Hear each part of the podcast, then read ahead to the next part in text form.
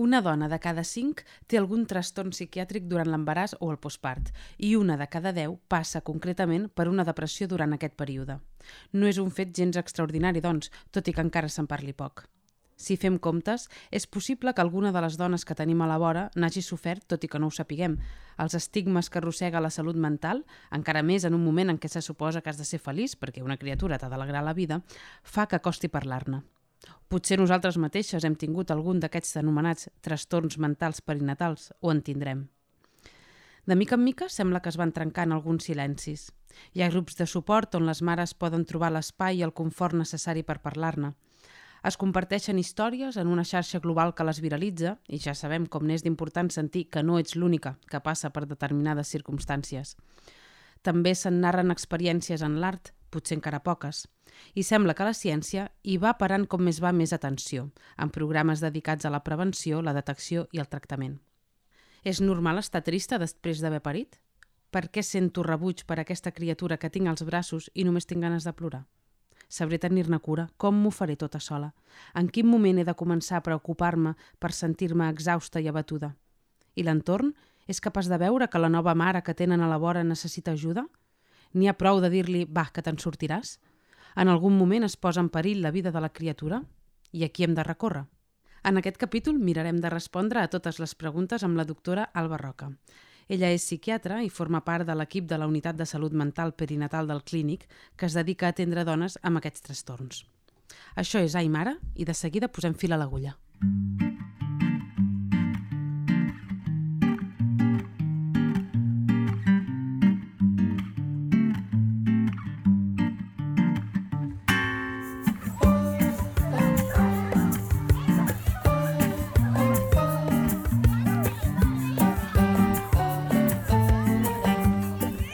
Ai Mare, el podcast sobre maternitats de VilaWeb, amb Bel Savalla. Alba Roca, bon dia i bona hora, benvinguda. Bon dia. Com són de freqüents els trastorns mentals perinatals? És a dir, eh, abans dèiem, eh, una, de cada, mm, una dona de cada cinc, això és molt, és poc? Home, això és bastant, no? Una dona de cada cinc vol dir que 20% no? d'embarassos i postparts patiran algun tipus de sintomatologia o patologia. Sí que és veritat que això no vol dir que una de cada cinc dones tingui un trastorn greu, vale? però un 20% de, de les mares estaran en malestar emocional prou intens com per requerir o, o hauria de ser així, requerir alguna consulta i en moltes ocasions alguna intervenció.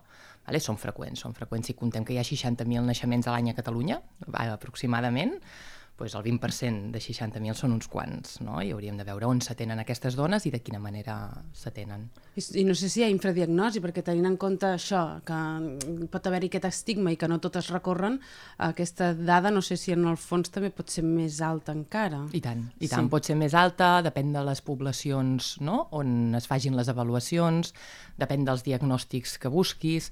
Aquest 20%, eh, un dels estudis que hi ha que donen aquesta dada, justament es va fer aquí a Barcelona, per al programa de, de perinatal del clínic. La doctora Navarro i la doctora Garcia van fer un estudi en què calculaven la prevalença dels trastorns no psicòtics o no greus en, en població perinatal, no? i van trobar aquesta dada. Llavors són trastorns d'ansietat, trastorns depressius, trastorns adaptatius, de vinculació, però dins d'aquesta dada, per exemple, no té per què haver-hi aquelles dones amb un diagnòstic de trastorn mental greu que estan en risc de recaure. Mm. Perquè aquí tenim les dones que poden iniciar una patologia o les dones que ja la tenen, que d'aquestes també poc en parlem a vegades, una dona amb un, un diagnòstic de trastorn bipolar, un diagnòstic d'esquizofrènia, un diagnòstic de trastorn obsessiu o de depressió recurrent, que el fet de passar per un embaràs i un postpart, segons com, pot eh, conduir a una recaiguda. I aquestes, a més a més, serien una suma a aquest 20% que tenim. Clar, ara deies això. Primer, uh, quins serien els, els trastorns més habituals en què us trobeu més sovint? Vale. Els, els més habituals són la depressió i els trastorns d'ansietat.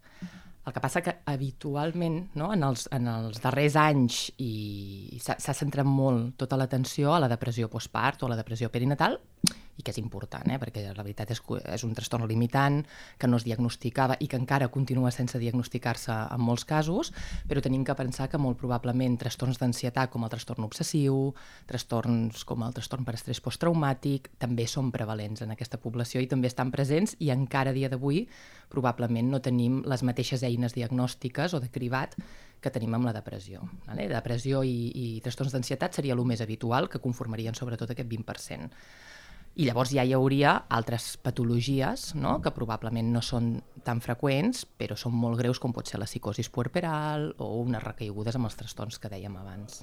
Ara, ara entrarem. Um, poden aparèixer de, de cop els símptomes d'un trastorn d'aquesta mena? Hi ha gent que ja està més, persones que ja estan més predisposades a patir-ho? En, en, depèn dels trastorns una mica, és a dir, en funció de cada patologia hi ha com uns indicadors, hi ha una evolució o un curs de la malaltia, hi ha una presentació, sí que hi ha factors que et predisposen, Vale? Per exemple, el fet de ja tenir un diagnòstic de salut mental et predisposa a estar més risc de recaiguda no? o de patir determinades patologies. Els antecedents familiars no? et poden predisposar si has tingut la mare o una germana amb antecedents de, de patologia en aquesta etapa, sobretot de la depressió postpart. Això t'incrementa el risc perquè hi ha un condicionant genètic també. Els factors socials no? interaccionen molt en l'aparició la, en també. Vull dir que hi ha diferents uh, factors no? que ens poden conduir a tenir més risc. Jo sempre dic el mateix, el número el juguem totes, només per al fet de quedar-nos embarassades i, i tenir un part. Vale? Aquests canvis hormonals, cerebrals, uh, endocrins, no? familiars, no? tot això ja ens pot conduir. Llavors juguem més o menys números en funció d'aquests altres factors que dèiem. Vale? Llavors la, la rapidesa de l'aparició depèn molt de cada cas. Probablement la patologia que apareix d'una forma més ràpida i que és més difícil de poder detectar abans de que ja estigui malament i que hàgim d'intervenir, no? inclús amb un ingrés, és la psicosi puerperal o una descompensació del, del trastorn bipolar.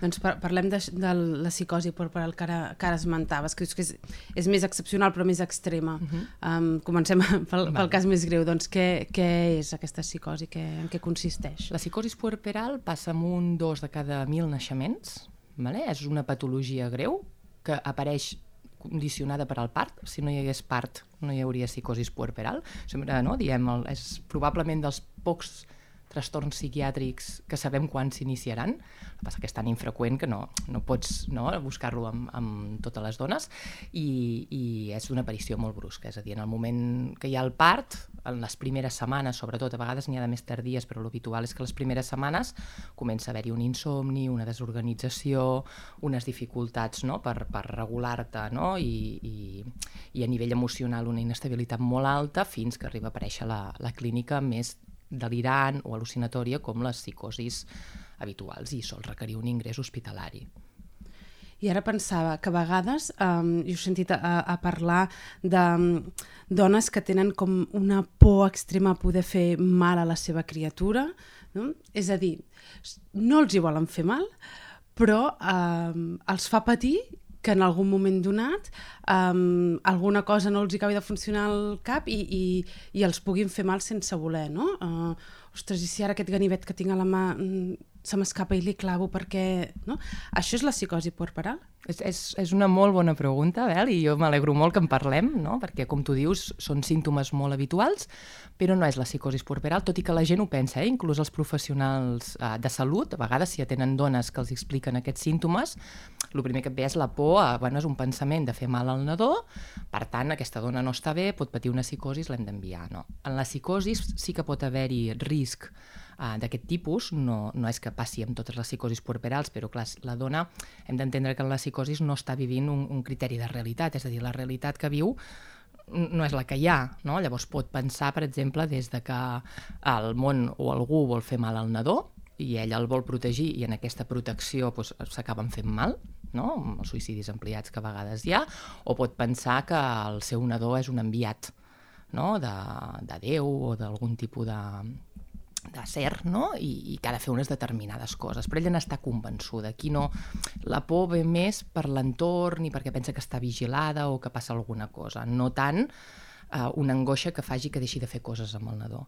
El que tu deies d'aquests pensaments és el que clàssicament s'han anomenat les fòbies d'impulsió, que passen en població general, és a dir, amb gent que no té cap patologia, això pot passar, i sí que és veritat que en aquesta etapa, no, sobretot de postpart, incrementa el número de casos en què això passa. I a mesura que afegim patologies, per exemple, si hi ha un trastorn d'ansietat, doncs és més probable que hi hagi les fòbies d'impulsió, en la depressió postpart fins a un 30 o 40% pateixen fòbies d'impulsió, vale? per tant, és un símptoma habitual.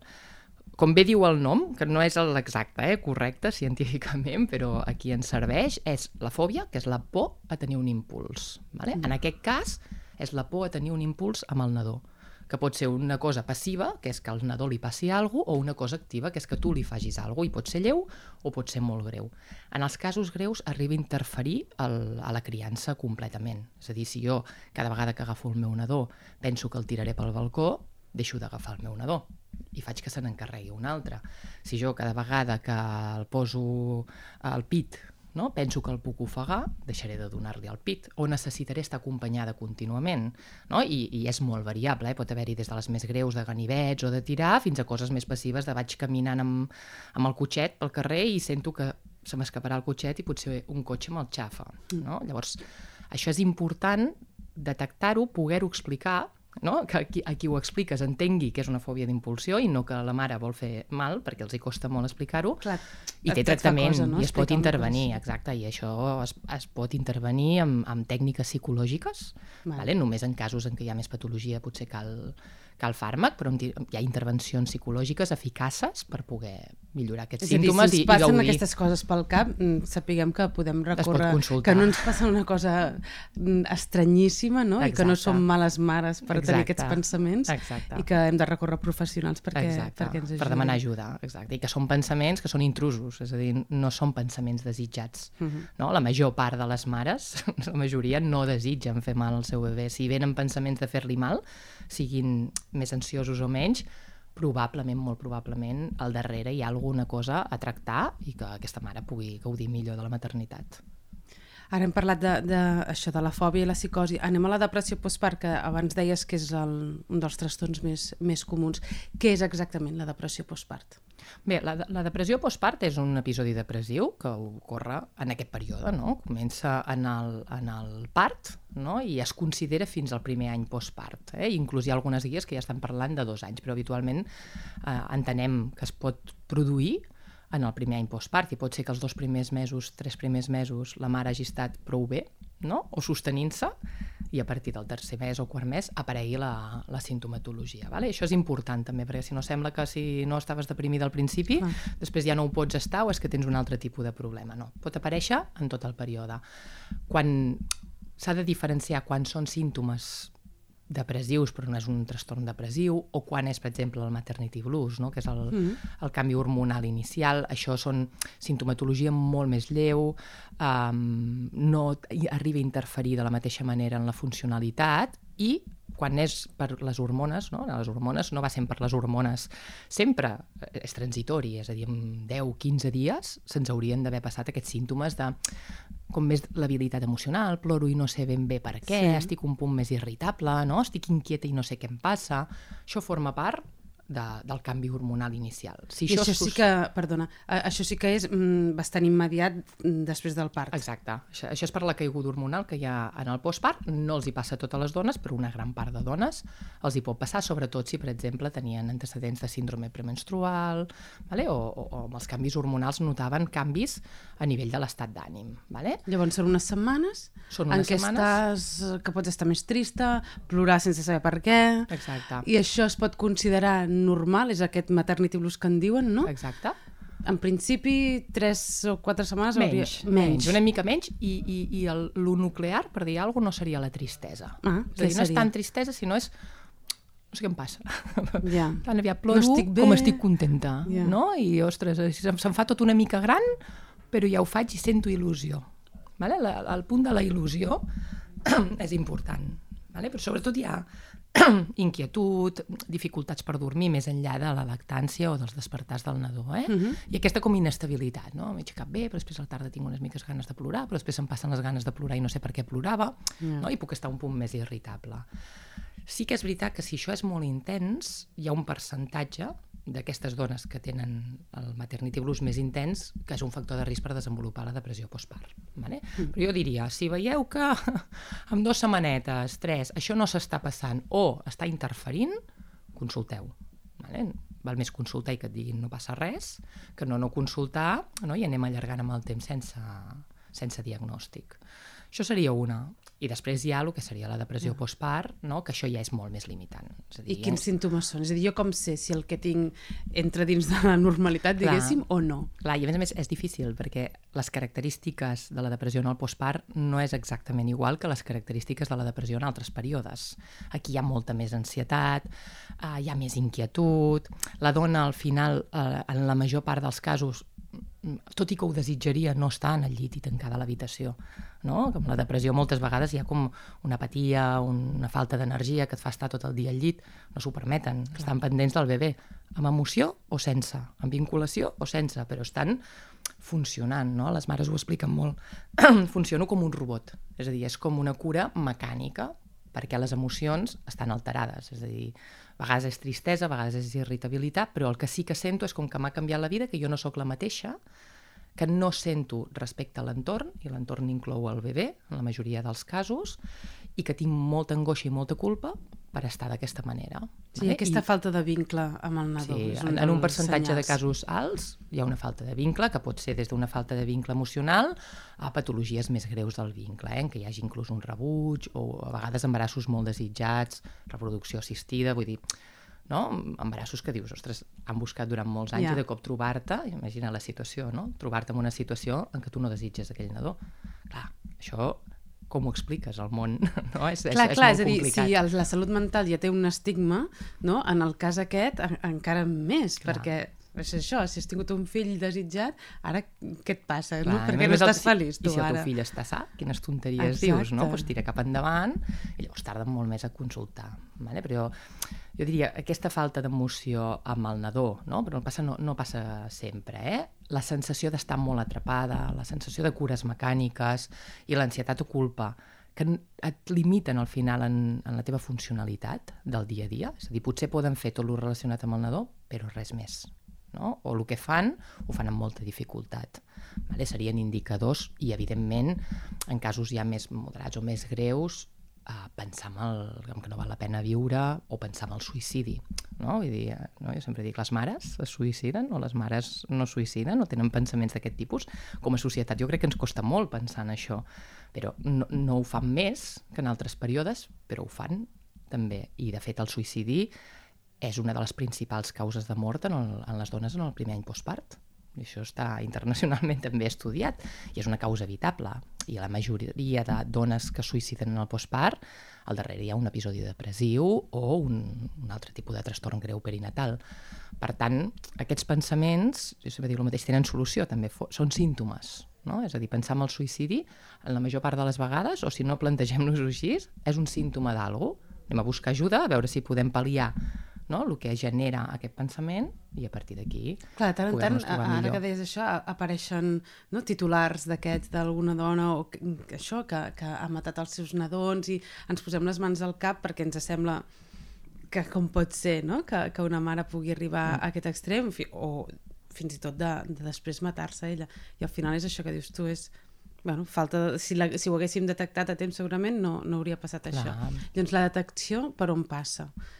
A la, a la vostra unitat del clínic, per exemple, com, com funcioneu? A nosaltres ens arriben ja detectades, és a dir, um, per sort, a Catalunya, perquè això no passa a tot arreu, i hem de dir que igual que hi ha mancances i hem de continuar treballant i, i estem en aquesta línia, per sort a Catalunya tenim el protocol d'embaràs que des del 2018 es fa cribatge de depressió. Això no es feia prèviament. 2018 fa quatre dies. Eh? Mm. Prèviament no es cribava la depressió um, durant l'embaràs i durant el postpart. I això des dels ASIRS, no? els centres de salut sexual i reproductiva, on hi ha les llevadores, hi ha ginecologia i en molts casos hi ha psicologia, uh, durant el seguiment de l'embaràs es fa aquest cribat. Vale? Llavors es fa aquest cribat i si aquest cribat dona positiu o la senyora hi ha antecedents no? o les llevadores veuen que es troba malament, poden fer derivacions psicologia o als diferents dispositius. Clar, al territori no té els mateixos recursos tot el territori, no? i això també és algo que s'ha de millorar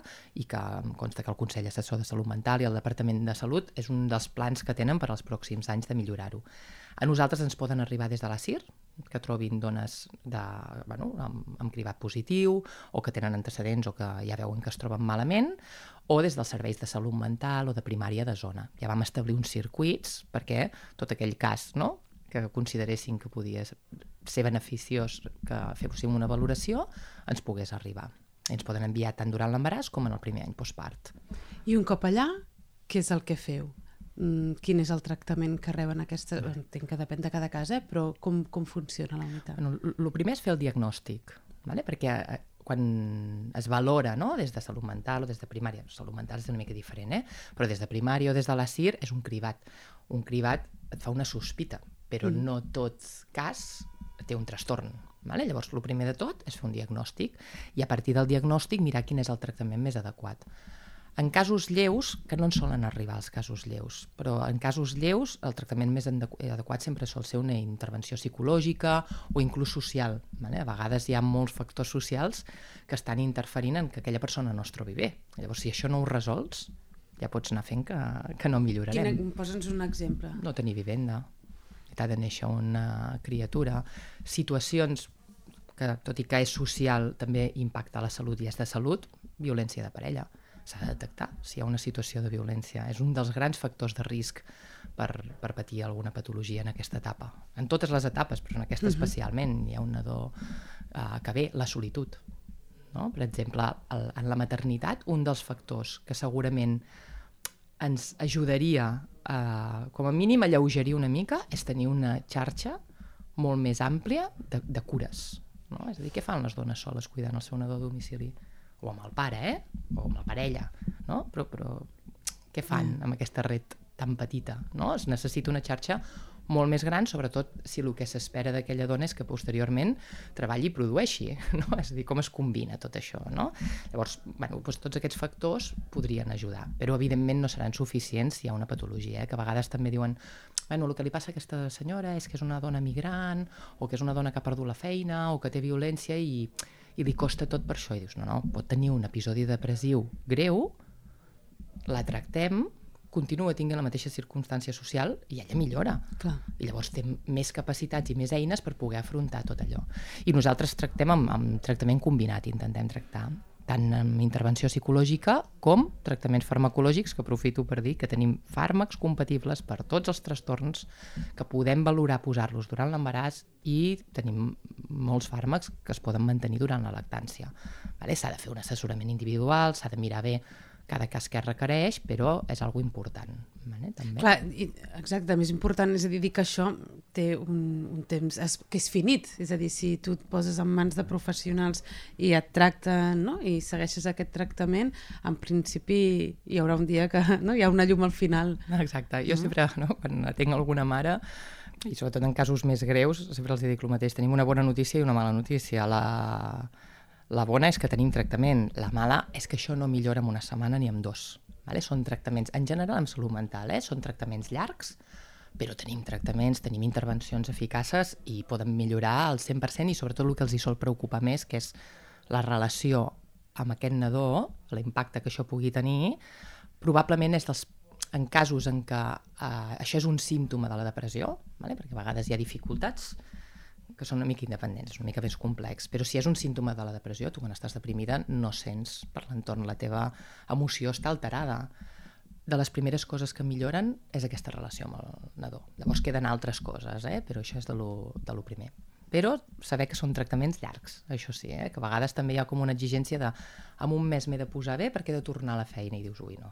no això és com una rehabilitació, és dir, primer tractem, després hem de rehabilitar algunes funcions i després ja tornem, vale? però hi ha tractaments i hi ha intervencions eficaces. Sí. Doncs Alba, si et sembla, ara escoltarem una conversa que vam tenir amb una pacient de la maternitat que ens ha explicat el seu cas. Ella es diu Montse Perals, actualment és tècnica superior de l'administració pública i va arribar a aquesta unitat per una depressió en el segon embaràs. Escoltem què ens explicava. Resulta que jo vaig tenir dos depressions postpart, una amb el primer i l'altra amb el segon, però la primera no, no va ser diagnosticada, la vaig tenir sense saber-ho. Llavors, amb el segon fill, eh, jo ja anava, diguéssim, amb, amb una mica de cautela i ja amb totes les amb totes les ganes de demanar ajuda, no? perquè no ho volia tornar a passar i, i, i, i anava doncs, amb, molta, amb moltes ganes de, de, de, de buscar ajuda si calia.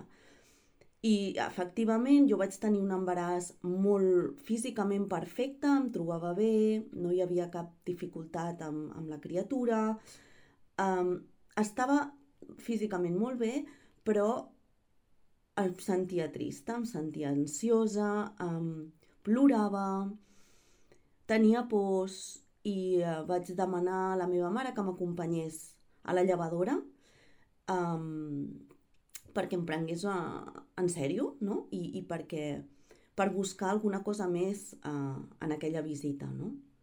Jo no volia renunciar a tenir un segon fill, la meva parella tampoc, mm, però jo tenia aquesta por no? de, de, de passar-ho així i de fer-ho passar així a, a la família. I, i llavors, um, primer que vaig consultar en el, a la psiquiatra que jo si em volia quedar embarassada i em van donar la recomanació que es dona o que es donava, eh, perquè això ha canviat molt habitualment, doncs has de deixar de medicar-te i, i em vaig deixar de medicar per poder-me quedar embarassada. Això va alterar moltíssim el meu estat d'ànim i ja en el tercer trimestre, la setmana 30, doncs vaig haver d'acudir a, mm, doncs això, no? com et deia, a, a la llevadora a, del cap, a, diguem, dient que a mi em passava alguna més, no? que, que em mirés no només l'estat físic, sinó l'estat emocional.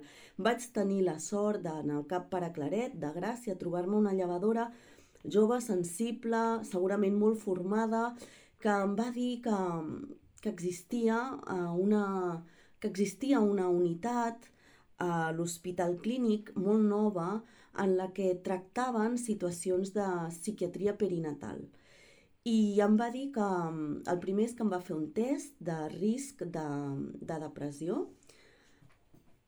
Uh, I efectivament, quan va veure els resultats, em va dir que a partir de llavors em duria un psiquiatre de la Vall d'Hebron, un psiquiatre, uh, a Miguel Sandonís, que quan el vaig anar a veure a l'hospital em va agradar molt perquè em va dir, tranquil·la, primer, no ets la única, i segon, l'embaràs um, no és de Walt Disney. No tots els embarassos són de Walt Disney.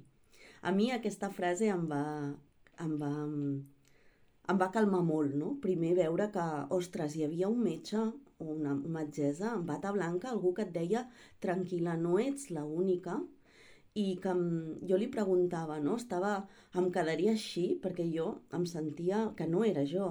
I em deia, no, no, tranquil·la, tranquil·la. Em va donar el seu telèfon i durant tot un estiu embarassada, de, doncs devia ser el juliol i tenia el part, no?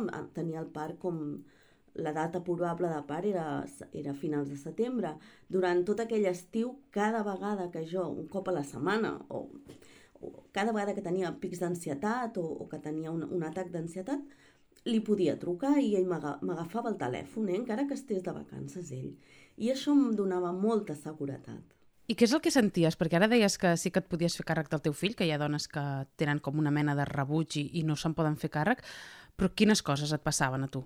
Jo sentia que, que estava trista, una tristesa inexplicable, inexplicable per les meves eh, condicions objectives, no? Ho, ten, ho, ho tenia tot, un, un marit que m'estima, una casa, una feina, um, uns pares, una família, amics, el caliu, no? I tanmateix sentia un buit, sentia una, sentia una tristesa, un, un sentiment de, de no sentit a la vida, no? De, de no poder... De, de voler que es fes la nit per anar a dormir, de, de costar, bueno, de, allò, de, de sortir al carrer i, i, i posar-me a plorar. Per què? Doncs perquè el teu cap queda pres de pensaments, de pensaments intrusius, de pensaments negatius. Eh, és com si el, la teva ment t'estigués uh, traint, no? T'estigués t'estigués um, anant en contra teu. i, i per tant, molta ansietat. Els símptomes físics eren molta ansietat, atacs de, de plorera, de, de costar de, mm, d'ofegar-me, de, de, de menjar amb molta ansietat, de, de no cuidar-me, no? de, de deixadesa, de no tenir ganes de vestir-me, no tenir ganes de dutxar-me, eh, una mica el que li passa a tothom que, que ha pogut tenir una depressió més o menys lleu. En el cas, clar, i tenir un fill en aquestes condicions, doncs, clar, mm, jo treus la força d'on sigui. Per exemple, per a mi, el fet de poder alletar el meu fill, cosa que no vaig poder fer amb la primera, perquè em van dir, ui, no, si estàs malament del cap, fora, no? I, I allò encara em va enfonsar més. Doncs aquí, en canvi, com que estava ben acompanyada, em van dir, no, no, pots continuar lletant, tindràs una medicació compatible i justament per mi el moment de fer l'alletament no, el, el, era un moment de, de, de centrar-me en el que tenia, no? que era el meu fill petit i abraçar-lo i escoltar la seva respiració, això a mi em calmava. I per trobar moments de calma similars o per controlar l'ansietat, t'han ensenyat tècniques? Sí, sí, efectivament, a la maternitat el que m'enduc són tècniques de, de gestió de les emocions i principalment el mindfulness. I jo, doncs, mira, quan estava embarassada, sense saber-ho, estava fent mindfulness fent punt de creu, perquè és que la meva ansietat era tal que que no podia ni concentrar-me a mirar una pel·lícula, perdia, perdia el fil. Eh, no podia llegir un, un, un llibre, amb, el, el meu, els pensaments són tan, tenen tanta potència perquè a més tu els hi dones importància, com que són pensaments negatius, a més a més tu els hi afegeixes patiment i, i, el, i vas, això ho he pres després, els vas solidificant, no? fins que són tan recurrents que són com un ratolí en una ratera, són que, no? I, i, i, i, les, i, els, i les conseqüències són físiques. No? Poder desmuntar aquest cercle de pensament, actuació i emoció és una cosa que m'han ensenyat a la maternitat i que, i bueno, que després jo he seguit practicant no? i que m'ho he quedat. Però sí, el mindfulness, el poder fer una manualitat, el poder simplement també um, dir que no. I tu, Montse, has sentit una pressió per ser una mare perfecta o per ser mare d'una determinada manera? Mm, sí, crec que, que jo sentia que jo m'avorria, o sigui, a, a mi, per mi, t'ho diré una frase, i que el meu marit a més m'ho diu i, i, i riem d'això. Per mi, és més fàcil treure's unes oposicions del cos superior que estar cada tarda amb els nens al parc. És, és, és, un, és un pal estar amb els nens al parc cada tarda i, i és molt dur. I, i, i i, que, i no, i no, i per això sí, potser això no ho pots dir en un entorn de, de, de, de, de criança no sé, sí que he sentit que, que la meva experiència no, no l'he compartit per vergonya. Ser mare és una opció i, i ja està. I, i d'això no cal fer-ne un tòtem, no? I, i que, que és dolent dir que la maternitat s'ha de viure d'una o d'altra manera perquè si no genera molt de patiment. Ara pensava que el fet d'haver estat tot aquest temps estudiant per a les oposicions que dius que t'has tret fa poc, això imagino que et deu haver ajudat també a tirar endavant. Molt. De fet, la primer símptoma que vaig veure que me n'estaven sortint va ser que amb l'Arnau lactant vaig anar a fer l'examen d'anglès, no? que em va acompanyar el meu marit i el vaig aprovar, això em va donar com molta autoestima, vaig dir, doncs mira, em poso a estudiar oposicions. I per ja estava treballant en una altra feina, eh? que de fet no necessitava estudiar oposicions, però com que en aquella feina no, no podia avançar perquè, bueno, d'aquelles coses d'endogàmies, no? que si no ets amic, no, no sé què, tot i ser públic, eh? vaig dir, no, no, jo haig d'anar per unes altres regles de joc, em vaig a presentar com a candidat a unes oposicions des de fora, a l'administració, malgrat ja fa 15 anys que hi sóc, des de zero començo. I sí, sí, i, i això m'ha donat molta autoestima i això m'ha ajudat, no?, a, exacte, a acceptar-me tal com sóc, no? I, i tenint el suport de la família, és a dir, aquest entorn jo crec que és l'entorn més proper. A mi que m'entengui només el meu marit, els meus pares, els meus germans i la meva sogra, que m'ha ajudat molt en aquest sentit també, no? d'estar present a casa, no jutjar-me, però tampoc planya'm, no? de, si no, bueno, doncs venia a casa, veia que estava tot desordenat, ordenava. Vinga, vés a la maternitat. Com, no, no, no em preguntava com estàs, sinó sobretot mirava no, la relació amb la meva filla, amb el meu fill, no? I, el fet, I aquests dos anys també m'han servit per construir el vincle que no vaig construir amb la meva primera filla. I la relació amb els fills com notes que canvia a partir del moment que et sotmets al tractament i que comences a deixar enrere la depressió? Per començar que, que els veig, no només, que no només em, em molesten, perquè els he de canviar, no és una cosa que me n'he d'ocupar, no? Mm, oi, que bé quan dormen, no? Sinó que el, el, començo a gaudir-los, començo a, a gaudir, començo a, a passar temps jugant-hi, que a mi em costava molt. Evitava, evitava eh, jugar amb la meva filla. Això és Ai Mare, converses sobre maternitats a VilaWeb. Doncs aquest era el testimoni de la Montse Perals, a qui agraïm moltíssim que, que ens hagi volgut explicar el seu cas, perquè ja imaginem que aquestes coses remouen molt, però també sabem com n'és d'important i, per tant, tornar-li a donar les gràcies i reprenem la conversa amb la doctora Alba Roca aquí a l'estudi de VilaWeb. Jo, Alba, et volia preguntar mm, si es pot fer res de manera individual per mirar d'evitar de, arribar a aquesta situació. És a dir, si ara ens estan escoltant dones embarassades o que, sí, que pariran aviat, eh, què, què els hi podem dir? Hi ha cap recomanació de què puguin fer per, per mirar d'evitar de, d'arribar o de caure en una depressió? Bueno, és, és difícil, eh? Els programes que hi ha preventius eh, no sempre han mostrat tota l'eficàcia que, que, que, que haurien de, de, de demostrar i, de fet, estem buscant quines coses són les que ens ajudarien a, a prevenir. Jo, així com a, com a coses globals, diria, primera, si estàs amb ansietat o no estàs gaudint de l'embaràs, estàs trista o notes que no t'estàs vinculant de forma adequada amb el teu nadó, i de forma adequada vol dir que sents inclús que no sents res, no? no? perquè moltes vegades en un segon embaràs, per exemple, és molt normal que no et vinculis igual que en el primer, perquè hi ha un altre element viu no? a tenir en compte, amb el qual no ho fas igual. Però si tens aquests símptomes ja és motiu de consultar. Vale? I probablement no s'ha de fer res en aquell moment, però sí que es pot fer un seguiment una mica més estret I, i en el postpart. I aquí, aquí hauríem de recórrer? Llevadora. A la llevadora. Sí, jo diria el primer punt de consulta, la llevadora, a no ser que estiguis en seguiment a salut mental o que tinguis altres espais, eh? però si no, amb les llevadores dir-li, mira, em trobo així, no? què faig? I a partir d'aquí es poden fer processos més fàcilment o més difícilment, eh? dic, el territori és diferent, però almenys saber que ho pots consultar, vale? perquè hem de comptar que el 50% de les depressions postpart havien iniciat símptomes durant l'embaràs. Vale? Per tant, tenir símptomes no, no és aquesta cosa de quan pareixi ja se'n passarà. Vale? Potser sí, o potser no. no? Llavors, simplement, potser simplement poder-ho consultar, que et donguin alguna indicació. A vegades la indicació és, doncs mira, agafa ja la baixa.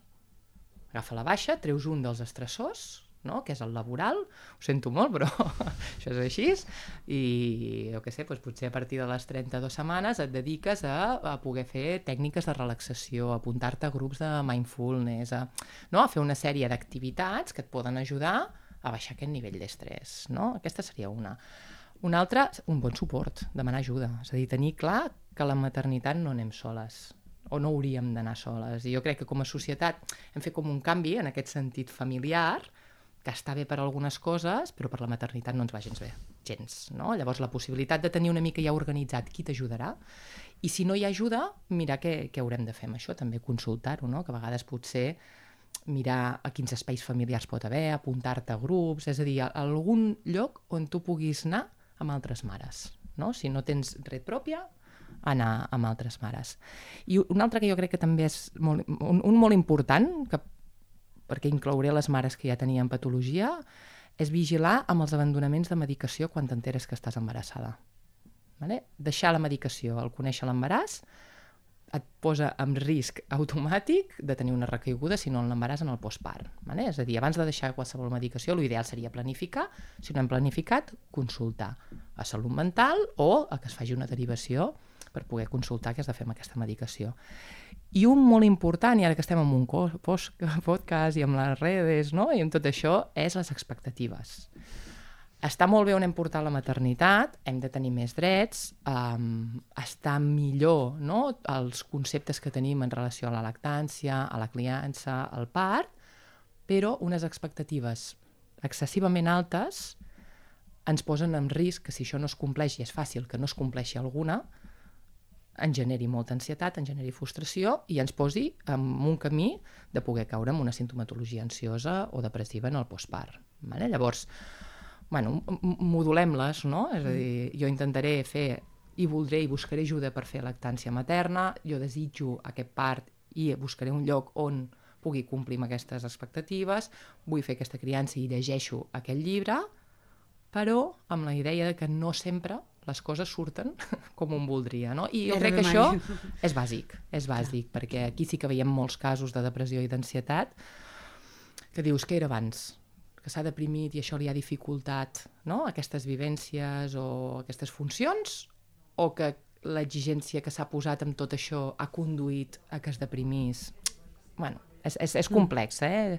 És complex i evidentment la lactància materna és el millor que podem oferir, ens pot protegir de moltes coses, a tenir un part que sigui vaginal i no per cesària físicament ens ajudarà, una criança respectuosa és per lo que hem d'abogar tots com a societat, però, no?, amb uns límits i de donar-nos Tenint en compte la marges. realitat Sí. sí. i entenent que no sempre serà, serà com ens pensàvem. Exacte, és a dir, no? consell a les embarassades baixa i anar a fer tècniques de ioga, coses que es puguin fer qui, qui s'ho pot permetre, perquè Clar, aquesta és l'altra, no totes moltes- poden permetre-s'ho. Clar, clar, tot això són coses que t'has de pagar de la teva butxaca. Exacte, exacte. Però vaja, als ASIRs sol haver-hi grups, sobretot en el Mm. postpart, d'alletament, que dius, encara que no tinguis dificultats, és igual, vas allà i estàs amb altres Comparteixes mares, no? I comparteixes, hi ha espais familiars, i qui té més dificultats a nivell a nivell sociofamiliar o econòmic, eh, hi ha espais també no? que, poden, que poden oferir aquesta, aquesta ajuda. Llavors, més d'això i menys buscar informació sobre la maternitat Menys a, Instagram. a internet. Exacte. Escolta, ara ja per acabar, um, ens recomanaries algun llibre o alguna pel·lícula que tracti aquest tema? Perquè trobo que, que l'art o la ficció a vegades poden ajudar molt a, a, a detectar o a conèixer no? uh, aquesta, aquesta mena de trastorns. Jo ara penso en el llibre de les mares no? de la Katisha Aguirre, que no sé si l'has llegit, però que tracta molt aquest tema i de fet recordo quan el llegia que estava embarassada i pensar "Mm, donar, li donaré a la meva parella perquè se'l llegeixi per dir-li, escolta'm, estigues atent si, si a mi em passa alguna cosa d'aquestes, no? perquè jo potser no, no ho sabré veure i necessitaré ajuda, no? I aquest llibre, a banda d'estar molt ben escrit, eh, tracta molt bé aquesta qüestió. No sé si tu tens alguna, alguna recomanació per fer-nos així per acabar. Bueno, probablement el que has dit és dels millors llibres que hi ha, perquè el problema que tenim amb, amb la salut mental perinatal, problema no és un problema, eh? És a dir, llibres que tractin la salut mental perinatal com a salut, no? en tenim bastants i són com més autobiogràfics de la vivència no? de l'escriptora i la seva maternitat. No? I llavors aquí hi pot haver les divergències que hi hagi, no? de com et sents, no? el que tu esperaves, el que dèiem de les expectatives, com tens la maternitat no?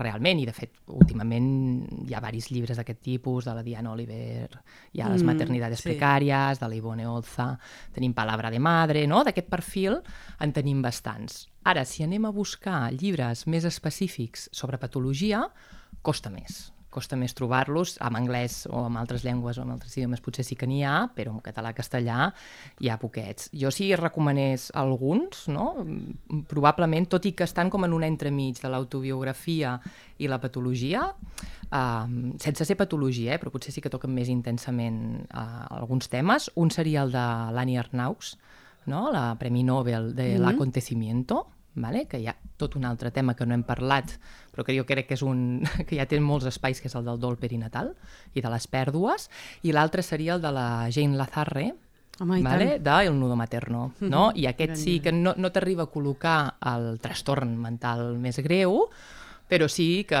parla no? bueno, de sentiments més foscos no? de la maternitat, que també està bé llegir-los i entendre que poden aparèixer i que no té per què ser algo patològic o que pot ser algo per lo que consulta. No? I com a pel·lícula, sí que potser si no es té des d'una visió de salut mental no ho detectes de la mateixa manera, però jo crec que probablement la que s'ha fet millor com a patologia és la de Tully, de, que l'actriu és Charlize Theron, Mhm. us la recomano, és d'orilla, però, però si la mireu des d'aquests ulls de tot el que hem parlat ara, no? es visualitza molt millor el que és una problemàtica de salut mental claríssima en, en el postpart d'una mare. Doncs ens quedem amb aquestes recomanacions. Molt bé. Moltes gràcies, Alba Roca. Moltes gràcies a vosaltres.